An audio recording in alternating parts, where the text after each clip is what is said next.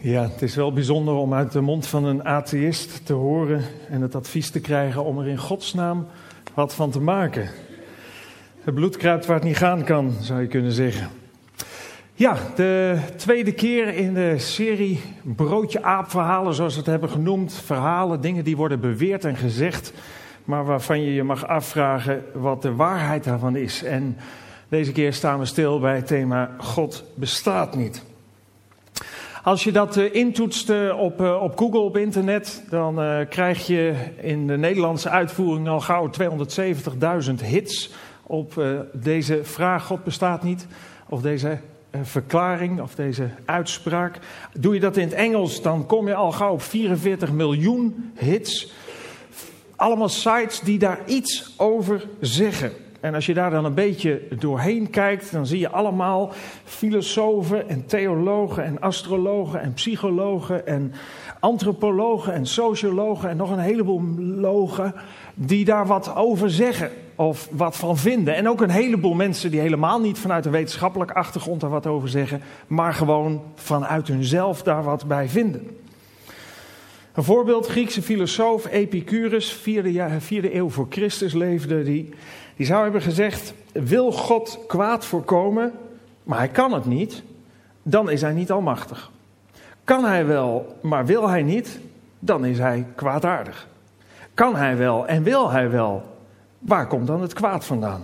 En kan hij niet en wil hij niet, waarom noemt men hem dan God? Nou, we gaan dat maar niet uitspitten, want het is een heel filosofisch verhaal. Maar op verschillende manieren proberen mensen het bestaan van God dus te ontkennen of uh, weg te redeneren of niet uh, te willen zien als redelijke optie.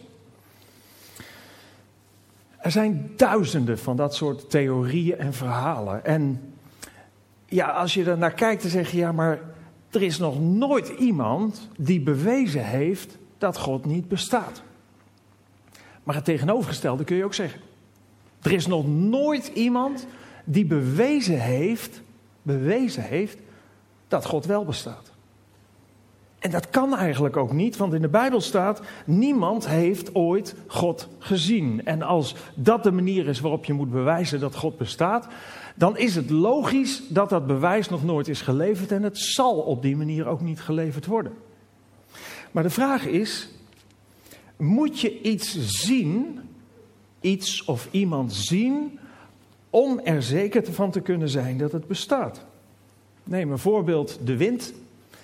De wind zien we niet en we weten toch zeker dat die er is, dat het bestaat. We, we, we, we weten dat niet de boom, als de blaadjes bewegen, dat niet de boom dat doet zo, maar dat het waait en dat daardoor de takken en de bladeren bewegen. Zo'n windzak, als je die ziet en die, die staat zo strak, dan weten we dat er wind staat, maar we zien het niet. Maar juist door de omgevingsfactoren, door de dingen die we wel kunnen waarnemen, kunnen we met zekerheid zeggen dat wind bestaat. Nou, dat geldt eigenlijk ook voor God. In de Bijbel staat het op deze manier.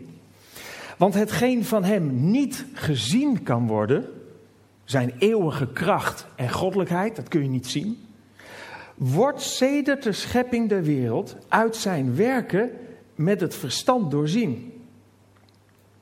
Zodat zij geen verontschuldiging hebben. Dus wat we niet kunnen zien van God, zijn goddelijkheid, zijn eeuwige kracht, dat heeft hij bekendgemaakt, dat is zichtbaar geworden voor iedereen die het wil zien, door de schepping heen. En dat kunnen we met ons verstand beredeneren. Dus dat is niet iets vaags of, of iets waar je geen vinger achter kunt krijgen. Nee, daar is ook je verstand en mag je verstand bij betrokken zijn. Eigenlijk zegt dit gedeelte: het is veel moeilijker om te ontkennen dat God bestaat, vanwege alles wat je om je heen ziet, dan het erkennen dat hij bestaat. Want hoe je het ook wendt of keert, en daar zullen we in de loop van deze dienst ook zien, Via je verstand kom je altijd uit bij God. Tenzij je dat niet wilt. Tenzij je die weg wilt uitsluiten of daar niet vanuit wilt gaan. Er zijn heel wat mensen die nou, misschien wel dagelijks moeite doen om het bestaan van God te ontkennen. Er zijn ook mensen die niet gericht zijn om het bestaan van God te ontkennen, maar die door datgene wat ze denken en verkondigen, God wel uitsluiten. En dan doe ik op mensen die dagelijks bezig zijn met theorieën die eigenlijk op geen enkele wijze vanuit het gezond verstand steekhoudend kunnen zijn, maar toch gebezigd worden. Dat doe ik op bijvoorbeeld de theorie rondom het ontstaan van alles, de oerknal of de Big Bang. En ook delen, niet alles, maar wel delen van de evolutietheorie. Nou, wat is die Big Bang? Nou, er zijn verschillende omschrijvingen van. Deze kwam ik tegen. Oerknal of Big Bang is de populaire benaming van de kosmologische theorie. Dus heeft te maken met alles wat er ontstaan is in de kosmos.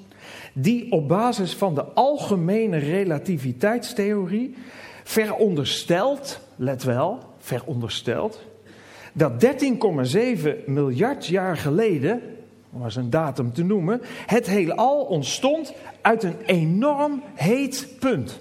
En die punt zou zo groot zijn als een punt aan het einde van een zin op papier. En die zou zo heet zijn dat er staat hier 10 tot de macht 28 graden Celsius. Zeg me niks. Met een oneindig grote dichtheid. Nou, die punt is uit elkaar geknald en tegelijkertijd met de oerknal zouden ruimte en tijd zijn ontstaan. We gaan heel even kijken naar een videofragment om te kijken wat iemand als Kent Hovind van deze theorie vindt. How many of you have ever heard of the Big Bang Theory before? I was on the airplane years ago flying from Dallas to San Francisco, the land of the fruits and the flakes. And I happened to sit right next to a professor from Berkeley, UCal Berkeley. So here I was on the airplane, sitting about that far away from this guy, and we started talking about creation and evolution. I said, Tell me, sir, if you believe in evolution, how did the world get here? He said, It came from the Big Bang. I said, Really? I'd like to hear about this. He said, You're a science teacher and you've never heard of the Big Bang? I said, Oh, yes, sir, I've heard a lot about the Big Bang. And I believe in the Big Bang. Uh, but my Big Bang is a whole lot different than yours. You tell me about your Big Bang, and then I'll tell you about my Big Bang. And so the professor started off on one of those answers. It looked like it came straight from the textbook. He said, Well, Mr. Coleman, I believe about 18 or 20 billion years ago, all the matter in the universe. Ooh, now that's a lot of stuff. Right? All the matter in the universe was concentrated into one very dense, very hot region that may have been much smaller than a period on this page. Why? Everything in the universe squished into a dot smaller than a period on a page? Wow. That's one crowded dot. And heavy, too. Who held that thing up? I said, Professor, well, what happened to your dot? He said, Well, Hovind, about 20 billion years ago, all the dirt in the universe was in this one little bitty tiny dot. And it was spinning real fast. This is what the textbooks teach. It spun faster and faster. And one day, it exploded. And the pieces flew off and they became galaxies and sun, moon, stars, and finally people. And we're nothing but stardust. I said, Sir, may I ask you a few questions, please? He said, Sure. What would you like to know? I said, Well, you told me 20 billion years ago, all the dirt got together for this big squish and the big spin and the big bang. Where'd all this dirt come from? Who made matter? He said, We don't know about that. I said, Okay, sir, now hold it. If I told you that I believe about 6,000 years ago, God created the heaven and the earth. And you're going to say, and where did God come from? And I don't know. But you said 20 billion years ago there was a big bang, and you don't know where the dirt came from. So basically, I believe in the beginning God, and you believe in the beginning dirt. don't tell me my theory is religious and yours is science. Oh, no, no, no. They're both religious. I said, Well, sir, can you tell me where the laws came from? You know, who made gravity? Who made the law of gravity? Centrifugal force, inertia. Who's the law giver? He said, We don't know about that. I said, Well, sir, can you tell me where the energy came from? You know, it takes energy to make something move. Who bought the gas to run this machine anyway? He said, We don't know about that either. I said, Sir, may I ask you another question, please? He said, uh, Sure. What else would you like to know? Else? What do you mean else? You haven't told me nothing yet. I said, Sir, does Berkeley have a merry-go-round? How many of you know what a merry-go-round is? You can run around, around till you puke. You've been on it before? He said, No, we don't have a merry-go-round at Berkeley. I said, You ought to get one, man. You can learn some good science on a merry-go-round. If you put some fourth graders on a merry-go-round, are there any fourth graders in here this morning?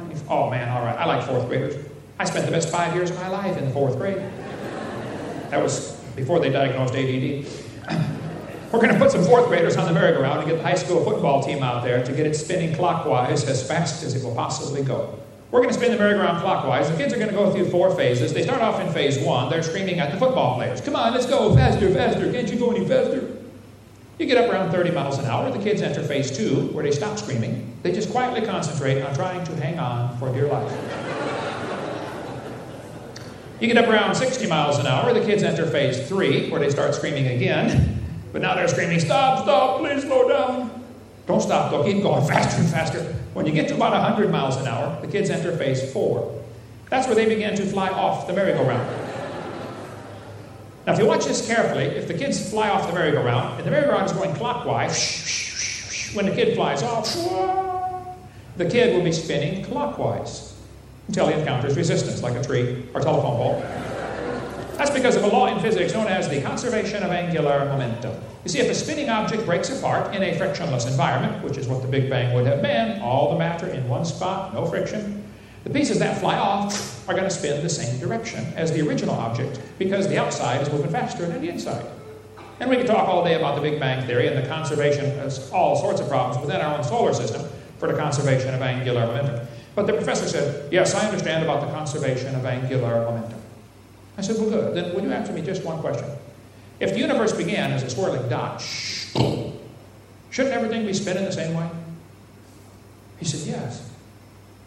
I said, Well, did you know that uh, two, maybe three of the planets are spinning backwards? Did you know that eight of the 91 known moons are spinning backwards? Sir, did you know some of the whole galaxies are spinning backwards? Why? He said, That's interesting. I said, No, sir, that's more than interesting. That's kind of hard on your Big Bang Theory. He said, Why do you think they're going backwards? I was hoping he was going to ask that. I said, Sir, it's very simple. You see, in the beginning, God created the heaven and the earth. And God did it that way on purpose, just to make the Big Bang Theory look stupid. Ja, de Big Bang Theorie. Als je er met gezond verstand naar kijkt en over nadenkt. En je realiseert hoe het van los zand aan elkaar hangt. Hoe ontzettend weinig er daadwerkelijk aantoonbaar is. Het bestaat uit allemaal aannamen. En dat is niet erg, want dat mag de wetenschap doen. Aan dingen aannemen, theorieën ontwikkelen. Maar het probleem is dat deze theorie het fundament is geworden van de hele wetenschap. Alles erop doorborduurt. En deze theorie ook gebruikt wordt om God te ontkennen. En dat is niet alleen met de theorie rondom de oerknal, maar ook de evolutietheorie. En dan heb ik het niet over, niet over de micro-evolutie, niet het feit dat bepaalde soorten in bepaalde omstandigheden veranderen, zich aanpassen aan omstandigheden. Dat zien we gebeuren en daar is niks mis mee. Maar de macro-evolutie gaat over het feit dat er soortwijzigingen zijn. Dus dat wij ook uit een knal ergens uit rommel zijn ontstaan. Daar zijn, ergens is daar leven gekomen. Dat is een eencellige geworden en meercellig. En uiteindelijk sprong dat het land op en dan ging dat lopen en werd het een aap en uiteindelijk werd het een mens. Die theorie. Een theorie die één grote gatenkaas is als het gaat om de bewijsvoering.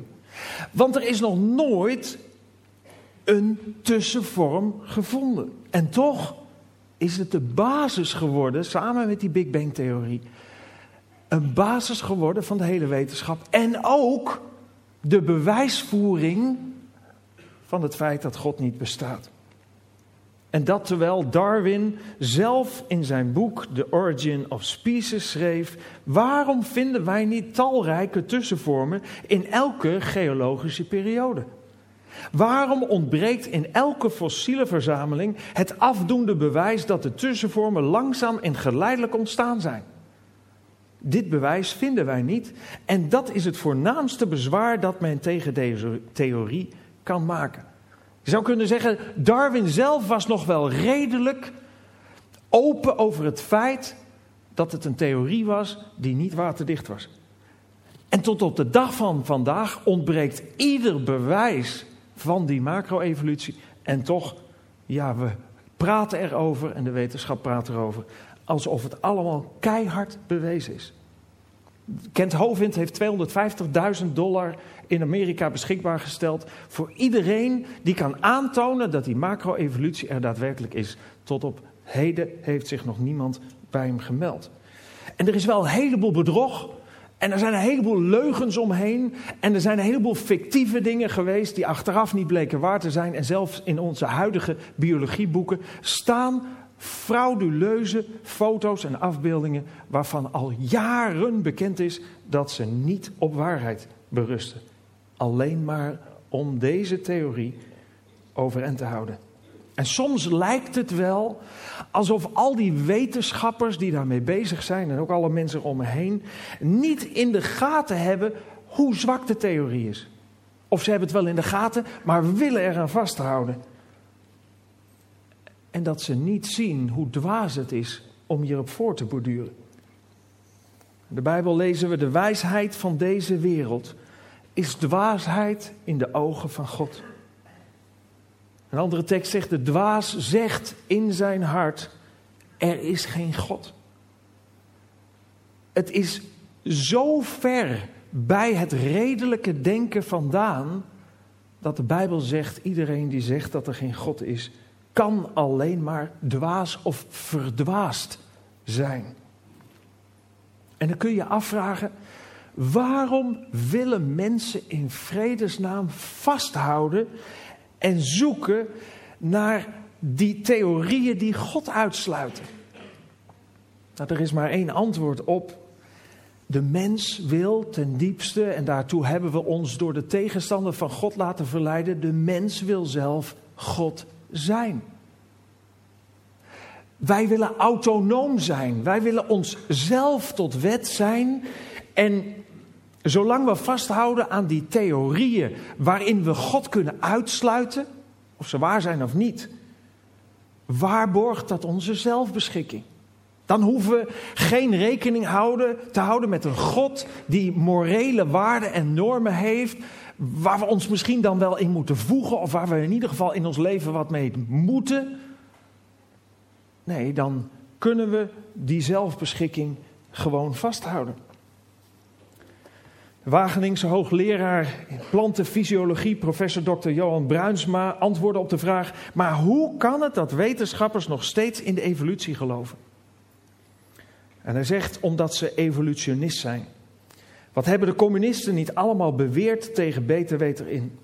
Als je een theorie tot een geloof maakt, gaan allerlei onredelijke factoren een rol spelen. Niet voor niets zijn overtuigde evolutionisten als Dawkins aperte bestrijders van het christendom. En dan komt het, er mag, er kan en er zal geen God zijn. Daar is het op gericht. Het evolutionisme is geen wetenschappelijk onderbouwde theorie, maar een ideologie waaruit alles wordt geïnterpreteerd. En dat dat gebeurt en altijd geweest is, ook op andere manieren, lezen we ook in de Bijbel. Want daar staat, hoewel de mensen, wij allemaal, in staat waren, in staat zijn om God te kennen, wilden ze hem niet de eer geven die hem toekomt en hem niet eens danken voor alles wat hij heeft gedaan.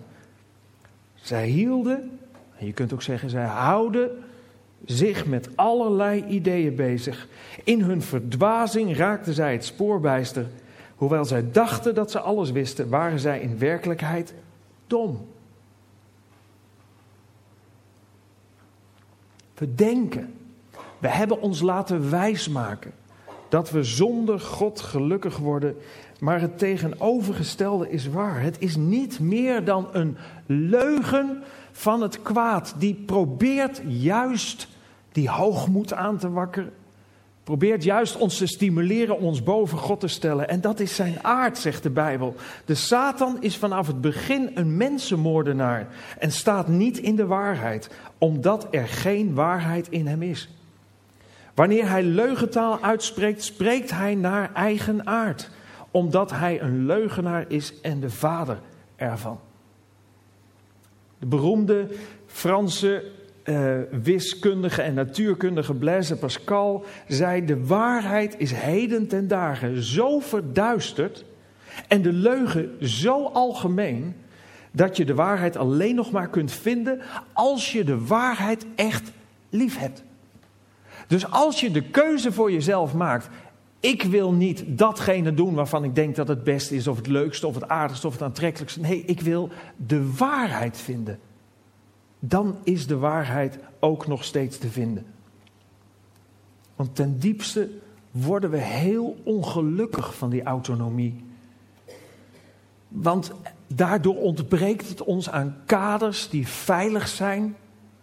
Daardoor ontbreekt het ons aan houvast, aan rust. Het geeft ons geen hoop, het geeft ons geen leven, het geeft ons geen perspectief. Je wordt in alles op jezelf teruggeworpen, terwijl je op geen enkele wijze houvast hebt hoe je dat dan moet invullen. En eigenlijk zou ik willen zeggen, breek los uit die leugen. En durf eens eerlijk te kijken naar de feiten die er om je heen te vinden zijn. Want, en dat is wel weer het bijzondere, hoe harder de mens via de wetenschap probeert God en de Bijbel belachelijk te maken en te ontkennen, hoe meer de wetenschap met al zijn ontdekkingen God en de Bijbel bevestigt. Maar de vraag blijft, wil je dat wel zien? Wil je de waarheid wel kennen? Ik geef een paar voorbeelden.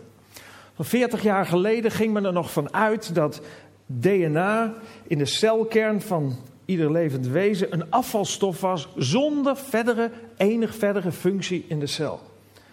Nou, tegenwoordig weten we wel beter. We weten dat DNA een informatiedrager is van genetisch uh, materiaal, van genetische informatie, waar eigenlijk alles in het menselijk lichaam, maar ook in andere levende wezens, waarvan uit de mens en anderen worden opgebouwd. En we weten ook vanuit de wetenschap dat informatie die processen stuurt nooit van zichzelf kan ontstaan. Van alle informatie waarvan wij de oorsprong kennen, weten we dat deze uit verstand en ontwerp ontspringt. Iets heel anders die DNA zit in een cel. Een cel is het kleinste deeltje verder wat compleet zelfstandig functionerend is, bijvoorbeeld in het menselijk lichaam. Een cel, zoiets kleins als een cel, is een wonder van techniek. Een, een Space Shuttle of een Boeing 747 zijn kinderspel vergeleken bij deze complexiteit. En hoe kunnen wij met gezond verstand zeggen dat dat zomaar uit het niets is ontstaan of door een knal of door toeval. Terwijl we nog niet geloven dat een horloge of wat dan ook vanzelf kan ontstaan. Maar altijd een ontwerper moet hebben. Hoe kunnen we bij de dingen die zo geniaal zijn ontworpen denken dat dat maar zo is ontstaan? Nou, zo kun je een hele lijst van dingen opnoemen. Er wordt ook regelmatig uh, worden er aanvallen gedaan op de Bijbel. Dan wordt er weer gezegd, dat staat in de Bijbel en nu hebben we het bewijs geleverd, de Bijbel is helemaal niet waar, want er staat zulke verschrikkelijke onzin in en nou, dan komt het weer. En zo hebben ze een hele tijd in heel veel biologielessen eh, dingen rondom de voedselwetten in de Bijbel belachelijk gemaakt. En één ding daarbij was, kwam uit deze tekst. De volgende echter, en dat zegt God, zult gij niet eten van de dieren die herkauwen of gespleten hoeven hebben. En dan komt er een hele opsomming van dieren die eigenlijk niet goed voor onze gezondheid zijn. En dan eindigt dat stuk ook de haas, omdat die wel herkauwt, maar geen gespleten hoeven heeft. Onrein zal die voor u zijn. Nou, daar is wat over gelachen, over die tekst. Een haas die herkauwt. Dat is wel zo'n belachelijk idee. Tot men ontdekte dat een haas zijn uitwerpselen weer opeet. Dat is ook een vorm van recyclen. En krijg er misschien nog wat uit. En wat ontdekte me, men? Deze dubbele spijsvertering doet in zekere zin denken aan herkauwen van eenhoevigen. Wetenschappelijke ontdekking dit. Haasachtigen zijn geen knaagdieren, maar eigenlijk een aparte soort. Blijkens de samenstelling van de bloedvloeistof staan de haasachtigen dichter bij sommige hoefdieren dan bij knaagdieren. Stond 1500 jaar voor Christus al in de Bijbel. Iedere keer opnieuw wordt door de wetenschap aangetoond dat de Bijbel waarheid is. En dat we, hoeven het ook wenden of keren, via de reden en het gezond verstand altijd uitkomen bij God. Bij iets wat vele malen groter, intelligenter en onbegrijpelijker is dan wat we verder ook kunnen bedenken. En je kunt nog honderden argumenten geven. Bijvoorbeeld een biologisch argument. De wetenschap weet dat leven alleen uit leven kan voortkomen. En toch blijven we geloven in evolutie en een Big Bang. Een ontologisch argument. Dat betekent dat ieder mens intuïtief weet heeft van het bestaan van God. Ieder mens is een religieus schepsel. We zijn altijd geneigd om te vereren. Om te weten dat er meer is tussen hemel en aarde. Dus het kost ontzettend veel energie.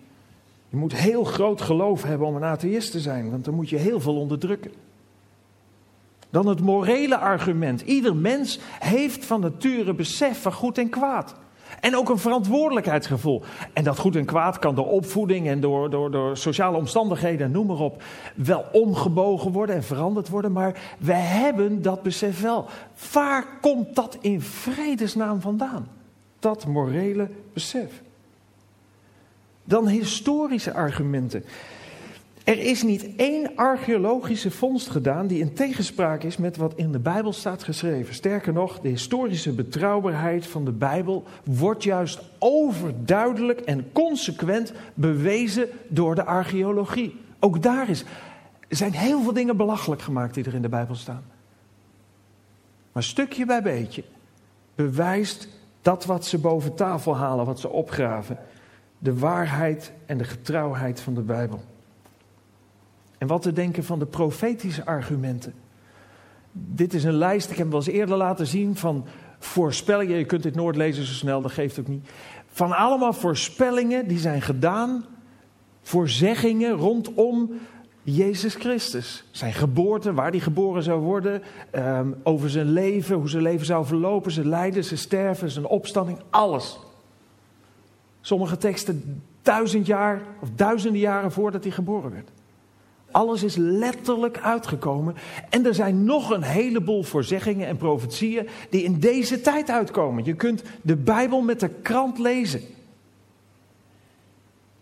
Een enorm krachtig bewijs van het bestaan van God en de waarheid van Gods woord. Het bibliologisch argument. Het gaat over de Bijbel, de verzameling van de 66 boeken in de Bijbel. Die Bijbelboeken zijn geschreven in een periode, een tijdsbestek van 1500 jaar. Daar hebben 40 auteurs aan meegewerkt, die volstrekt verschillend waren. In opleidingsniveau, in sociale klasse, in waar ze vandaan kwamen, in natuurlijk de tijd dat ze leefden. En toch, alles bij elkaar is één geheel. Alles sluit aan, alles bevestigt elkaar. Het is één doorgaande lijn. Je kunt zoiets niet anders bedenken dan dat daar een inspirator achter zit. God die zijn woord, de Bijbel, geïnspireerd heeft. En dan tot slot het kosmologische argument, nou daar kun je uren over praten. Alles wat zich boven ons begeeft, eindeloos ver weg. Daar snappen we ook niks van. Als ze zeggen dat het heelal wordt groter met de snelheid van het licht, dat is mooi. Dan, het is al heel groot, dat weten we, veel groter dan we ons kunnen bedenken. Maar waar houdt het op? En, en, en waar, waar, dat licht nog niet is gekomen, wat is daar dan? Staat er een muur? Of, of, en als er een muur staat, wat zit er dan achter? Dat zijn dingen die gaan ons begrip ver te boven. In de Bijbel lezen we: De hemel ontvouwt de glorie van God. Het uitspansel zegt: Ik kom uit zijn handen. Elke dag opnieuw wordt dat verkondigd. Elke nacht opnieuw wordt dat gefluisterd, zonder tong of taal. Geen stem laat zich horen. En toch klinkt de boodschap over de hele aarde, rijk dat getuigenis tot het einde van de wereld. En zo kun je een hele tijd doorgaan. Met van allerlei argumenten. En van allerlei waarheden. En van allerlei dingen die toetsbaar zijn en die, die je met je verstand kunt bevatten. En toch, hoe overtuigend de argumenten ook zijn. Het zal je nooit dichter bij God brengen.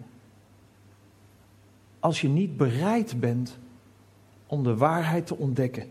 En als je niet bereid bent om God de kans te geven om zichzelf aan jou te openbaren. De Bijbel zegt: Wie mij zoekt, zal mij vinden. Maar dan moet je wel willen zoeken. Er staat ook: De nederigen zien het en verheugen zich. Wie God zoeken, hun hart zal opleven. De nederigen, niet hoogmoedigen, niet die God de verantwoording roepen of zeggen dat hij niet bestaat of wat voor hoogmoedige uitspraken ook. Nee, de nederigen zullen zien en het, zien het en verheugen zich. Wie God zoeken, hun hart zal opleven. En weet je waarom je hart dan opleeft?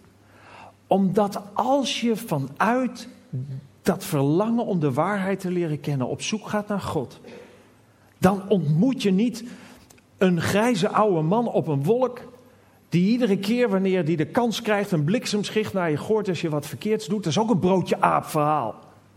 Nee, dan ontmoet je een liefdevolle God die van je houdt.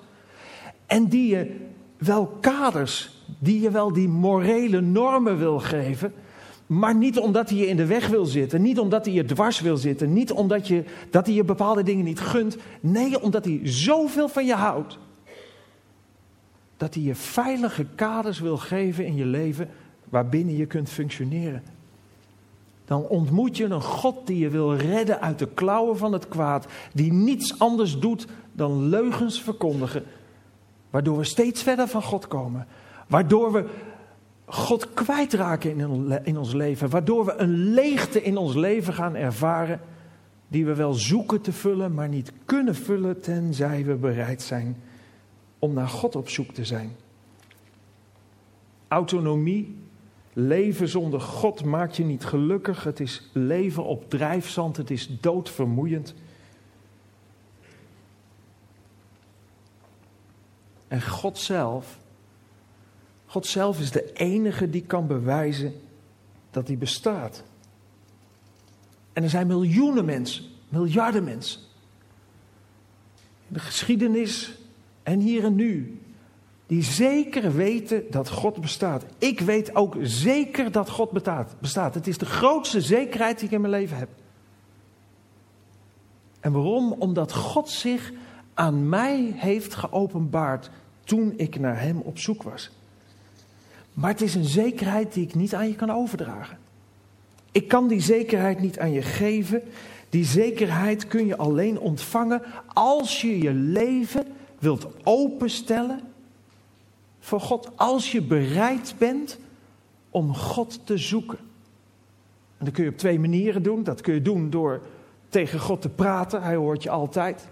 In jezelf of hardop. Zeg je, God, ik, ik, ik, ik weet niet of u bestaat, maar als u bestaat wil ik u leren kennen. Als die God van liefde. En die God die zelfs over het perspectief van dit leven nieuw leven geeft. En je kunt het ook ontdekken door Gods woord, de Bijbel, te gaan lezen. Als je dat doet vanuit een verlangend hart om de waarheid te ontdekken, ga je God daarin ontdekken. Afgelopen week was bij Paul en Witteman um, Ingrid Betancourt te gast, die ruim zes jaar gegijzeld is geweest door een guerrillabeweging, de FARC. En zij had heel veel tijd om te lezen en is de Bijbel gaan lezen. En dit is wat ze erover zegt.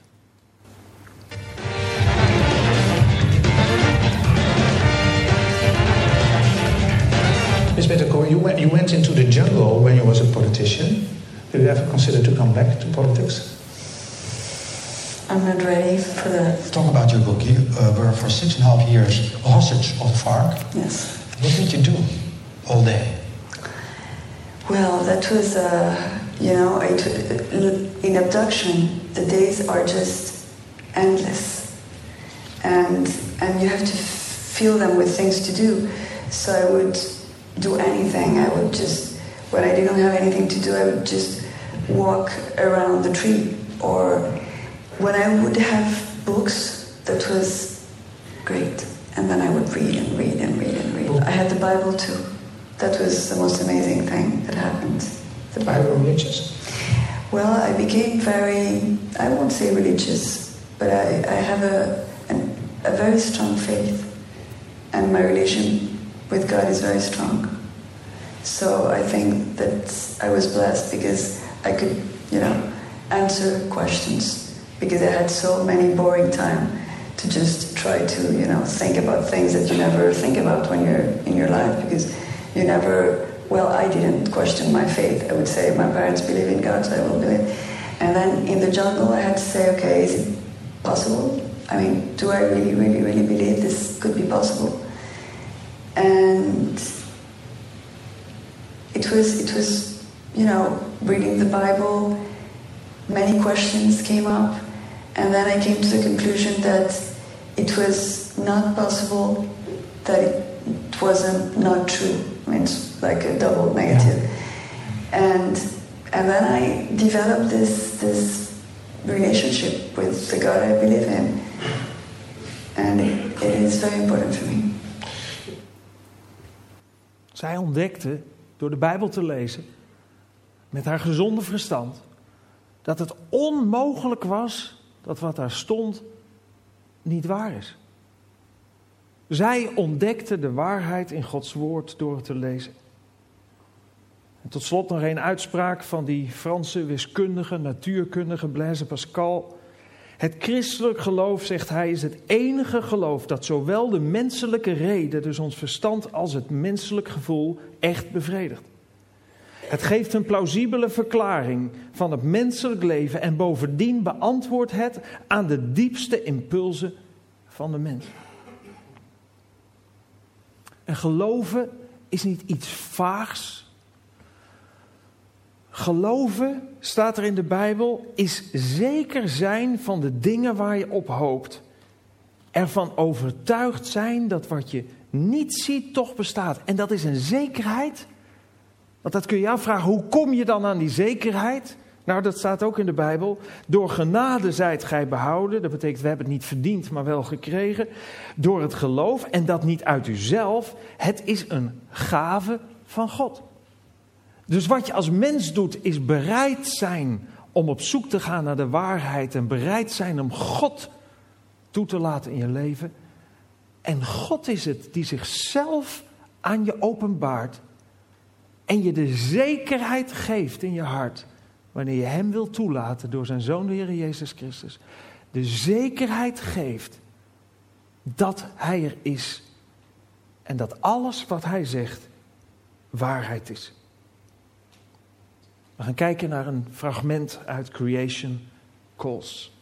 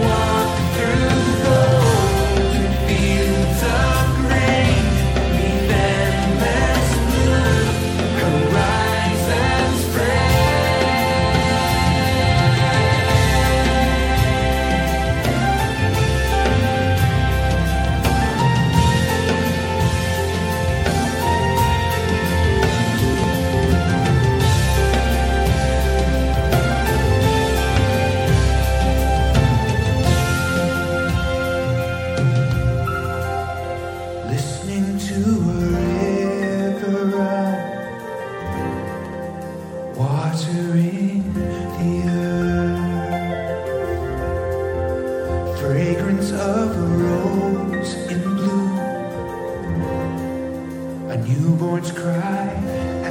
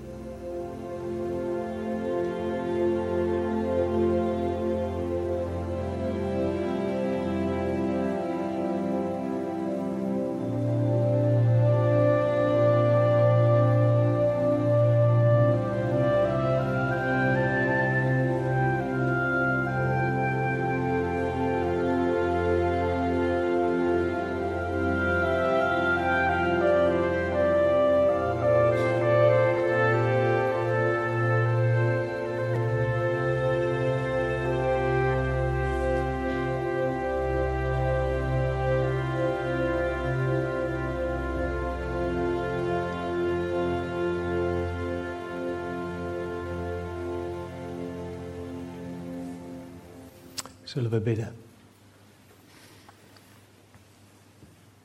Heer God, als we willen, dan komen we onder de indruk, Heer, van alles wat er om ons heen is, wie we zelf zijn.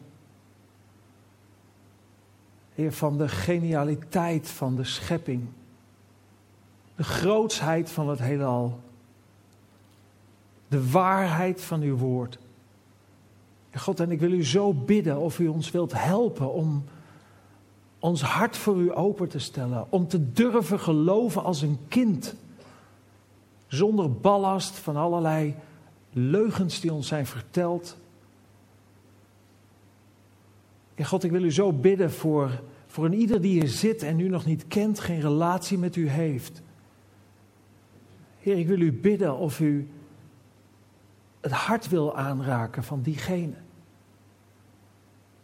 Ik wil u bidden dat u aan zult kloppen en dat het duidelijk zal zijn dat u uw hand naar ons uitstrekt, ook nu nog steeds, wat we ook gezegd hebben, wat we in ons leven ook gedaan hebben, wat we ook denken of gedacht hebben. Heer, u strekt uw hand naar ons uit vanuit uw liefde. U heeft uw eigen zoon, de Heer Jezus Christus, naar deze aarde gestuurd om u bekend te maken. En hij stierf uiteindelijk voor onze zonden, voor onze tekortkomingen, om het mogelijk te maken dat we opnieuw met u verbonden kunnen worden. Dat we een relatie met u kunnen hebben, dat we leven mogen ontvangen uit u. Heer God, ik wil u zo bidden. Raak ons hart aan.